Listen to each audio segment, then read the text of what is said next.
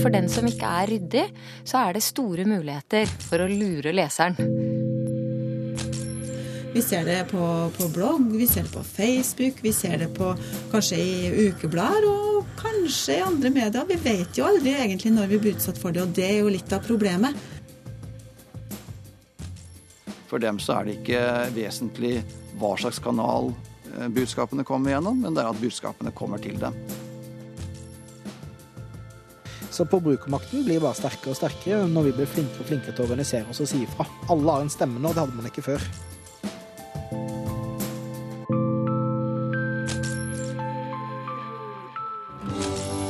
Og da på så skal det dreie seg om noe så enkelt som Lotto.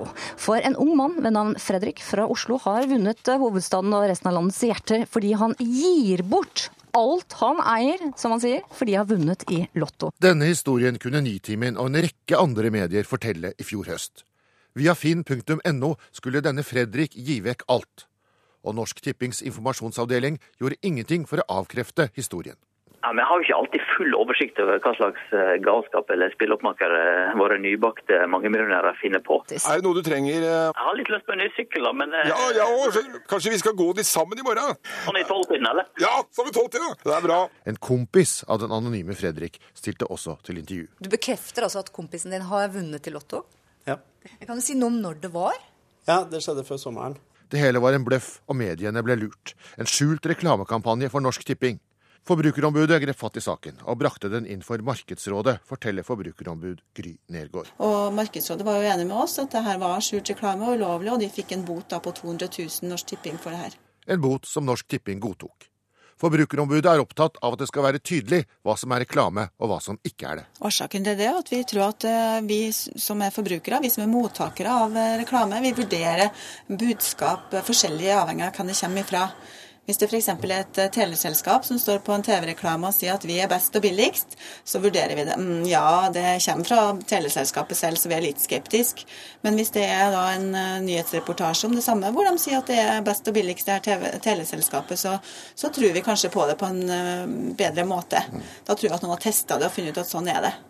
På hvilke måter er det vi som forbrukere får skjult reklame? Det er veldig mange måter vi får bli utsatt for skjult reklame. Eh, Vi har en eh, lovlig måte vi blir utsatt for det, og det er produktplassering på TV. Der har det nå blitt lov til å ha produktplassering i underholdningsprogrammer og, og uh, sportsprogrammer og litt forskjellig. Så, så der blir vi utsatt for det med, med vilje, kan du si. Og så er det en del tilfeller hvor vi blir utsatt for det uten at det egentlig er lov. Vi ser det på, på blogg, vi ser det på Facebook, vi ser det på kanskje i ukeblader og kanskje i andre medier. Vi vet jo aldri egentlig når vi blir utsatt for det, og det er jo litt av problemet. Vi prøver nå å finne ut hvor stort omfang er det på skjult reklame, og det prøver vi å gjøre sammen med Norsk Presseforbund. Den skjulte reklamen kommer altså i mange former. En av dem er det som kalles tekstreklame, forteller generalsekretær i Presseforbundet Kjersti Løken Stavrum. Tekstreklame er eh, at du egentlig får reklame, men du tror at du leser uavhengig journalistikk. Hvor stort er problemet med tekstreklame i norsk presse i dag, da? Jeg tror det er større enn folk flest er klar over. Eh, Og, og problemet med tekstreklame er jo at det er veldig vanskelig å oppdage. Eh, Fordi det er, så, det, er så, det er egentlig for den som ikke er ryddig, så er det store muligheter for å lure leseren. Eller seeren, for den del. De mest åpenbare er jo de annonsørene som etterligner et redaksjonelt produkt. Det er jo den kanskje som folk flest vil kjenne igjen. Det er den annonsen som egentlig ser ut som en artikkel. Det er det kanskje mest åpenbare eksempelet på hvordan man prøver da å bryte ned skillet mellom reklame og, og redaksjonelt innhold, som, som er det som vi ikke skal gjøre. Blir disse problemene større når mediene sliter med økonomien? Ja, ikke sant. Det heter jo det at det skal god rygg til å bære gode dager. Men du skal ha ganske sterk rygg for å bære de dårlige dagene også. Eh, Og det er veldig vanskelig å stå imot sterke eh, annonsører som kan lokke med kjærkomne penger hvis du ikke har god råd. I pressekretser har det vært en debatt om kvinne- og motebladers forhold til annonsører, spesielt når det gjelder redaksjonell presentasjon av varer og tjenester. Bladet L ble f.eks. dømt i Pressens faglige utvalg for en del år siden for en reportasje der hele redaksjonen koste seg på spa. Men etikken jo, har jo mange gråsoner, og så har den noen klare På et eller annet tidspunkt er det et klart overtramp. Og hvis det er sånn at man reklamerer for produkter, eller gjør noe som, som annonsøren egentlig bare kunne betalt for, direkte til annonseavdelingen, så, eh, så bør det jo lyse noen varsellamper. Det var jo også blitt sagt at eh, ansatte journalister skriver reklametekster på fritida. Det kjenner ikke jeg til. Det håper jeg ikke noen gjør. Det, I så fall så har også Vær varsom-plakaten regler for det. At hver enkelt journalist skal verne om, om, sin integritet. Og det er et punkt som nok blir viktigere og viktigere framover. Fordi mange journalister er aktive på sosiale medier og er aktive på andre områder enn som journalist. Da. Eh, i det offentlige rom. Og, og, det å verne om sin integritet, sånn at man kan fortsette å utøve yrket som uavhengig journalist, det er veldig viktig. Ja, Men når er man journalist, og når er man privatperson? Nei, Man er egentlig journalist hele døgnet. Fordi at integritet er ikke noe du kan skru av og på klokka fire. En annen sak som gjaldt TV Norge, var nylig i PFU. Barnerom blir ofte en lagringsplass for leker og rot. Men sånn trenger det ikke å være. Barn trenger også omgivelser å være stolte av, og det barnet som bor her, har all grunn til å være stolt.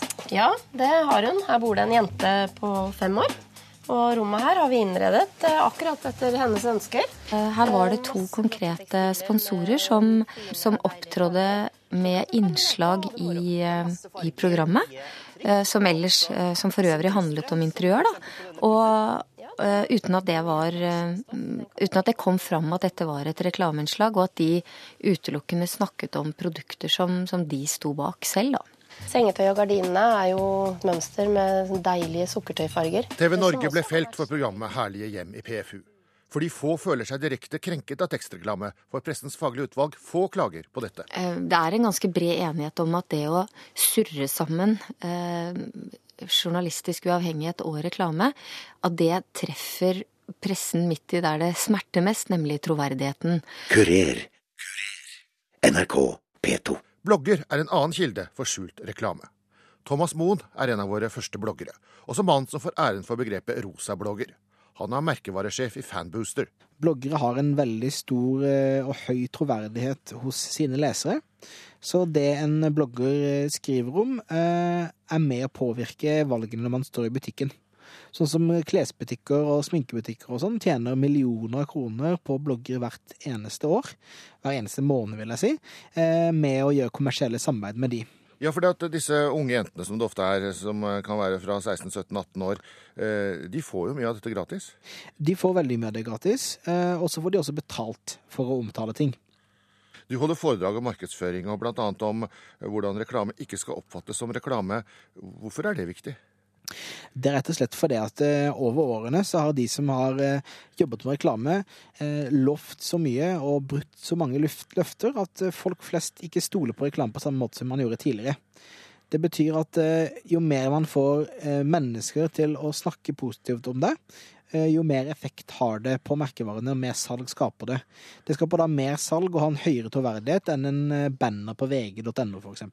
I loven står det at det skal være et klart skille, sånn at den som er mottaker av et budskap, skal vite om det er reklame eller noe annet. Absolutt. Og det, det, mener jeg kanskje er det viktigste. Samtidig som det er noe som eh, jeg syns blir en skummel, eh, tynnere og tynnere linje, og det er det at man ikke skal ha kommersielle budskap mot barn. Og når man ser på disse unge bloggerne, og man ser på masse av de tingene som skrives om å bli betalt for at man skrives, så jeg syns det er altfor mye av det som er rettet mot eh, den yngre generasjonen, som man strengt tatt ikke har lov til, eller bør reklamere mot. Dette er jo veldig nytt at la oss si 16-17-åringer kan nå ut til 100 000 mennesker om dagen. Det har jo aldri skjedd før. Og da krever det en helt annen type opplæring i skolen og blant foreldre, og en, en helt annen en måte, tydeliggjøring av hva som er greit og ikke. Også forbrukerombud Gry Nergård er opptatt av regler for bloggere. Vi har jo hatt eh, dialog med de største bloggerne, og de er ganske store. De har over 50 000 lesere hver dag, noen av de bloggerne. Sånn at de har det her som sin næringsvirksomhet og lever av det. De har vi eh, diskutert med og snakka med nå i en par år. Eh, prøvd å lære dem eh, de prinsippene som, som, gjelder for reklame. Det at reklamen skal fremstå som det. Så hvis de får betalt for å skrive en omtale av produkter, så skal de merke det som annonse eller reklame. Og det gjør de faktisk nå, de største bloggerne, og det er supert. Thomas Moen mener åpenhet om at noe er betalt for, ikke skader salget. Sånn som med bloggere som jeg jobber veldig mye med, så ser vi det at eh, der bloggeren oppgir at det er en eh, sponsa post, så får man økt troverdighet, og det, det skaper mer salg. Så åpenhet er egentlig positivt for alle parter. Eh, Det handler bare om å få alle til å skjønne og forstå hvorfor det er viktig å ha åpenhet, sånn at ikke folk føler seg lurt og blir lurt til å kjøpe noe, de, noe som de ikke tror er, det, er noe annet. Da. De som produserer disse klærne og sminken og, og, og alt det andre, er det mer lønnsomt for dem å bruke bloggerne framfor å annonsere på tradisjonell måte? Absolutt. Eh, Både mer lønnsomt og mer effektivt. Eh, Her ser vi merkevarer som bruker millioner av kroner på betalte reklameplasser overalt, men som kanskje får enda mer effekt av å velge de riktige type bloggerne som omtaler produktene sine til riktig tid. Bendik Samuelsen er førsteamanuensis ved BI og er opptatt av reklame som rettes mot barn. En, en jente på åtte år eller ni år som leser en sånn sminkeblogg eller et eller annet sånt noe, hun vet jo ikke at det, å, da må jeg være mer kritisk.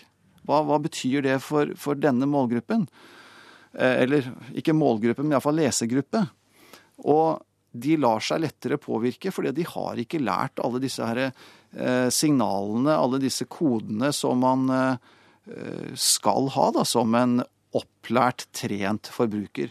Så du kan sikkert merke det herfra til evigheten, men samtidig, for at det ikke skal få en påvirke utrente forbrukere, så må vi faktisk også si at merkingen da, i bloggene må gjøres på en måte som mottakerne forstår. En annen ting det er jo ofte at uh, ulike debattforum og slike ting omtaler produkter. At det, jeg så f.eks. en diskusjon rundt et helsekostprodukt hvor noen mener at det er bare bløff, og andre sier at 'å, det har hjulpet meg så mye'. Og noen av de som er for, mistenkes da for å være agenter for selgeren. Ja. Eller kanskje være selgeren. Ja. Eh, eh, Er, er, er det mye sånt på nettet? Det avdekkes i ny og ne ganske kraftig, dette her. Og eh, nå er det vel slik at i Norge så har vi ikke noe som er sånn veldig aktive vaktbikkjer på det. Jeg vet jo om eksempler i USA hvor det går sport i det å avdekke hvem som er kilden for noe som fremstår som det du sier her, da. Enn noen som ja, men jeg har brukt produktet og jeg syns det er kjempebra, og for meg funket det kjempefint osv. Og så sporer de dette til faktisk å komme fra f.eks. et PR-byrå. Eh, det har skjedd, og det kommer til å skje igjen. Seiler man under skjult flagg, så bryter man flere lover og regler. Eh, Så vi får jo egentlig bare håpe at store, seriøse aktører er sitt samfunnsansvar faktisk bevisst og ikke bedriver den type useriøs virksomhet. Men har vi noe mer å stille opp med enn å håpe?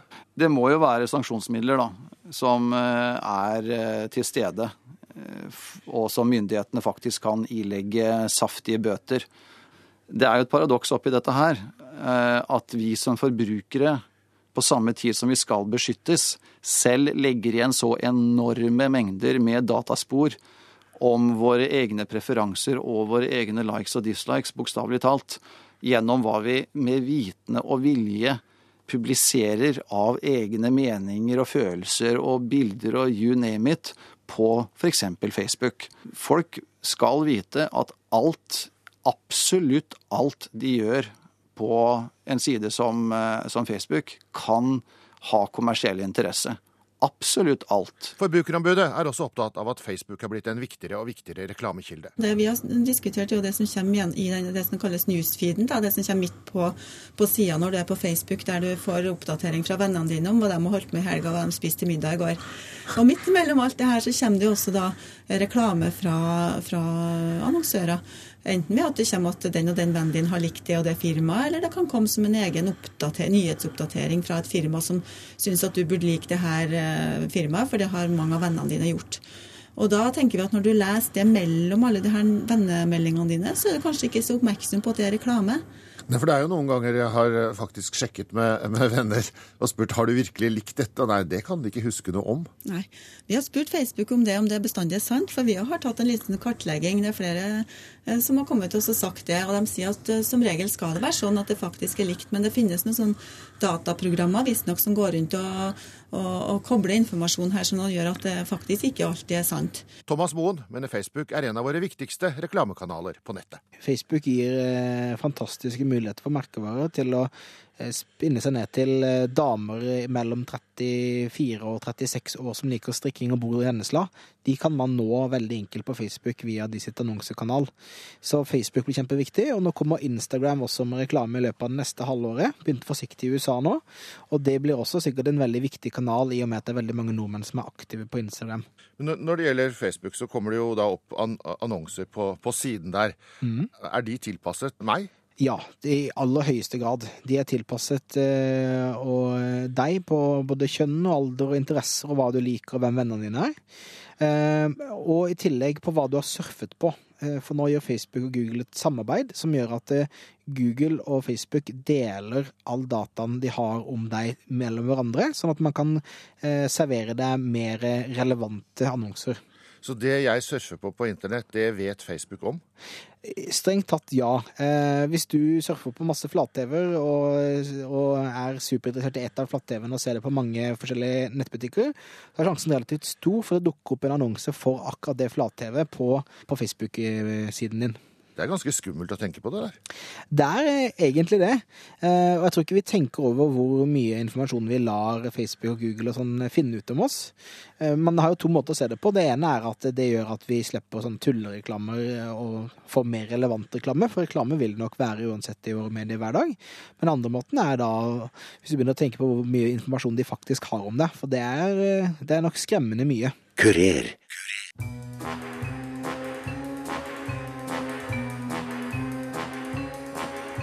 Det finnes en type lovlig skjult reklame som har eksistert lenge i utenlandske filmer, som f.eks. James Bond, men som nå også har kommet hit. Det gjelder såkalt produktplassering, altså produsenter som betaler for at deres produkter brukes i filmen eller TV-serien. Det kan være både klær, drikkevarer og mye annet, forteller Gry Nergård. Så har man altså plassert det produktet for at vi skal se det, men kanskje ikke legge merke til det så godt, da. Bare litt sånn underbevisst. Det her skal merkes med en liten P oppi i TV-skjermen din. Så det er kanskje mange som har sett en liten P der uten å vite hva det er. Det betyr at altså, det er plassert et produkt her som vi skal bli overbevist til å kjøpe etterpå. Men er det noe vits i med en merking som folk kanskje ikke ser og i hvert fall ikke forstår? Nei. Ikke enda, men det må vi jo gå rundt og fortelle da, om alle sammen nå som hører på det her, at den P-en betyr altså at det er, et produkt der som vi skal bli påvirka til å kjøpe. Forsker Bendik Samuelsen har også sett på effekter av produktplassering. Det som jo er det paradoksale her, det er at for det første vi vet at denne produktplasseringen og dette kravet til å merke dette primært gjelder der hvor produktene vises. Hva dersom de omtales? Hva dersom de inngår i en naturlig dialog? Er det på samme måte regulert? Det er det nok ikke. Det andre er jo det at eh, hvis du blir advart om at hallo, nå må du være på vakt, for i dette programmet nå kommer det snart noe som er produktplassert. Ja, da går jo bevisst eller ubevisst eh, radaren vår på, og så begynner vi å lete etter. Er det det merket tro? Er det den brusen som står der? Eller kanskje det er den der genseren han har på seg? Eller Hva ser du? Altså, det paradoksale ligger i at du faktisk kan få større oppmerksomhet rettet mot merker da, i dette mediet gjennom å advare folk. Smaken av frihet. Jeg skjønner ikke hvorfor folk ikke skiller seg. Dette er en del av en reklamekampanje som gikk i en rekke medier. Skilldeg.no framsto som en kampanje for skilsmisse, og det ble ikke opplyst at det var kondomeriet som sto bak. Denne kampanjen vil Forbrukerombudet trekke inn for Markedsrådet, fordi de mener den bryter med prinsippet om at man skal vite hvem som er avsender på budskapet. Men hvilke muligheter har Forbrukerombudet til å kontrollere reklamen i en tid hvor reklamebransjen blir stadig mer avansert? Eh, Vi kan gjøre litt, og Presseforbundet kan gjøre litt. Og så er det jo sånn at eh, journalistene kan gjøre litt. Og så er det også veldig viktig at vi snakker om det her nå på radio f.eks., sånn at folk blir oppmerksom på det. For vi kan ikke få stoppa alt, men det å ha en sånn generell skeptisk holdning eh, hele tida hos hver enkelt av oss, det er nok kanskje det aller, aller, aller viktigste. Også forsker Bendik Samuelsen er bekymret for konsekvensene. Eh, Og det er jo ikke bare hva vi sier på Facebook som overvåkes og minus, Det er jo selvfølgelig alt vi skriver i blogger og Twitter og alle mulige andre sosiale kanaler også. Blir jo lastet ned og, og analysert et eller annet sted. Skal vi ta konsekvensen av det og ikke ytre oss? Hva, hva slags samfunn blir det, liksom? Det, det liker vi heller ikke. Dette er jo det vi da med et fellesbegrep kaller big data. Det er så gigantiske datamengder som dette her resulterer i, at eh, det som nærmest beskytter oss som forbrukere oppi dette her, det er at vi legger igjen så mye spor at eh, sporene drukner i mengden. Det som vi jo da heller må venne oss til og trene oss til, det er en bevissthet rundt hva det er vi faktisk ytrer hvor og når. Jeg eh, er selv ekstremt forsiktig med hva jeg eh, mener og sier på Facebook f.eks. For fordi jeg vil ikke legge igjen all verdens informasjon om meg sjøl. Samtidig så ser jeg jo også at eh, det jo en, det har en kostnad, det også. Det å ikke legge ut. Og jeg er voksen. Det som jo vi som er foreldregenerasjonen har et veldig stort ansvar eh, for, det er jo å sørge for at våre barn lærer å forstå hva informasjon faktisk er. Hvordan, hvordan man skal være på vakt og beskytte sin identitet. Altså Våre barn og de generasjonene som nå kommer, de, de vokser opp i en always on-verden. I forhold til det så er vi i foreldregenerasjonen vi, vi, vi er oppvokst opp i en sånn pre-kambrium-tid, ikke sant? Ja, for dette er jo noe ganske nytt i menneskehetens historie. Altså, det, er, det er ganske få år vi har hatt, hatt dette her, så det, det, kommer vel til å forandre oss på noe vis når, ettersom årene går? Forhåpentligvis så gjør det det. Og vi får jo bare egentlig jobbe for at det skal gå i en ønsket retning.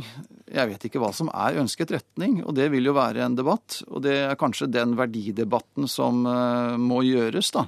Det er naivt, hinsides enhver størrelse, å tro at dette her kan lovreguleres slik, til slik detalj at det til enhver tid beskytter individet.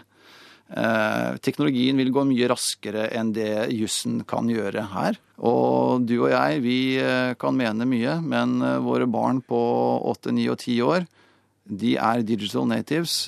For dem er dette her Dette her er virkeligheten. Og, de kommer til å le seg skakk når de skjønner at vi snakker om gamle og nye medier. For dem så eksisterer jo ikke dette skillet. Eh, for dem er eh, virkeligheten sømløs, og den kommer til å bli det enda mer. For dem så er det ikke vesentlig hva slags kanal budskapene kommer gjennom, men det er at budskapene kommer til dem. Thomas Moen, sett fra reklamebransjen, kommer tradisjonell annonsering slik vi kjenner den, til å bli mindre viktig i framtida? Det tror jeg.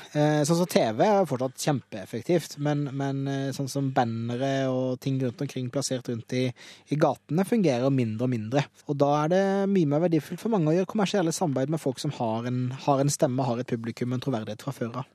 Hva med annonser på internett, da? Det er jo det som nå finansierer mange av nettavisene, som sliter litt med økonomisk?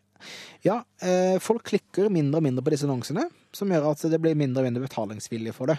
Så jeg tror det er også derfor mange av avisene stresser med å finne andre typer betalingsmodeller. Rett og slett fordi de ser det effekten av det å bare vise fram en plakat av et eller annet overalt, eh, fungerer dårligere. For vi ser det rett og slett ikke lenger. Vi har blitt så flinke til å overse all den betalte kommunikasjonen som er på nettsidene, at de legger ikke merke til det. Når jeg holder foredrag, så pleier jeg å si at jeg gir 200 kroner til den første personen som kan nevne en eneste annonse på vg.no i dag som de ikke har betalt for selv. Og det, til nå så er det ingen som har klart det. Er all reklame på, på, nett og sosiale medier god reklame? Nei, det vil jeg ikke si. Sånn som merkevarer som, som, er på Facebook, og som bruker det på feil måte til å bare spamme folk og mase på folk, så slutter det å fungere, og folk gidder ikke like deg på Facebook. Så det er, en, det er et større og større krav for å produsere godt innhold og gi verdi tilbake. Og også når du, når du får folk til å omtale og se på produktene dine, så må jo produktene dine være gode. Hvis du har et skikkelig dårlig produkt, så får du en skikkelig dårlig omtale. Eh, Disse bloggerne kjø- lar seg ikke eh, handle på sine meninger. altså Du kan ikke kjøpe meningen til en blogger, men du kan kjøpe omtale, plassen, hva bloggeren syns om produktet ditt. Så det er jo større og større krav til merkevarer om å faktisk være interessante og ha gode produkter og ha god service. Eh, Og det er da du lykkes i de sosiale mediene. Betyr dette at eh, forbrukermakta også kan øke, i og med at forbrukere da kan få spredd at de faktisk dette er noe dritt, for å si det sånn? Uten tvil, og det har vi masse gode eksempler på. Forbrukere som er misfornøyd med servicen eller produktet eller noen den som ikke får oppmerksomhet fra merkevaren, som setter i gang egne kampanjer på nettet, som når ut til hundretusenvis av mennesker, som boikotter og, og skaper dårlig stemning for merkevaren. Så forbrukermakten blir bare sterkere og sterkere når vi blir flinkere og flinkere til å organisere oss og si ifra. Alle har en stemme nå, det hadde man ikke før. Kjersti Løken Stavrum i Presseforbundet mener de som lager skjulte budskap, ikke alltid oppnår det de vil. Jeg mener nok at det er en god ting å tenke seg om og, og spørre seg selv om hvilken verdi det ligger i Og, uh, Når man har klikka på noe man trodde var en artikkel, f.eks., som viser seg å være reklame, så, så bør man spørre seg selv om hvor, hvor tjent noen er med det.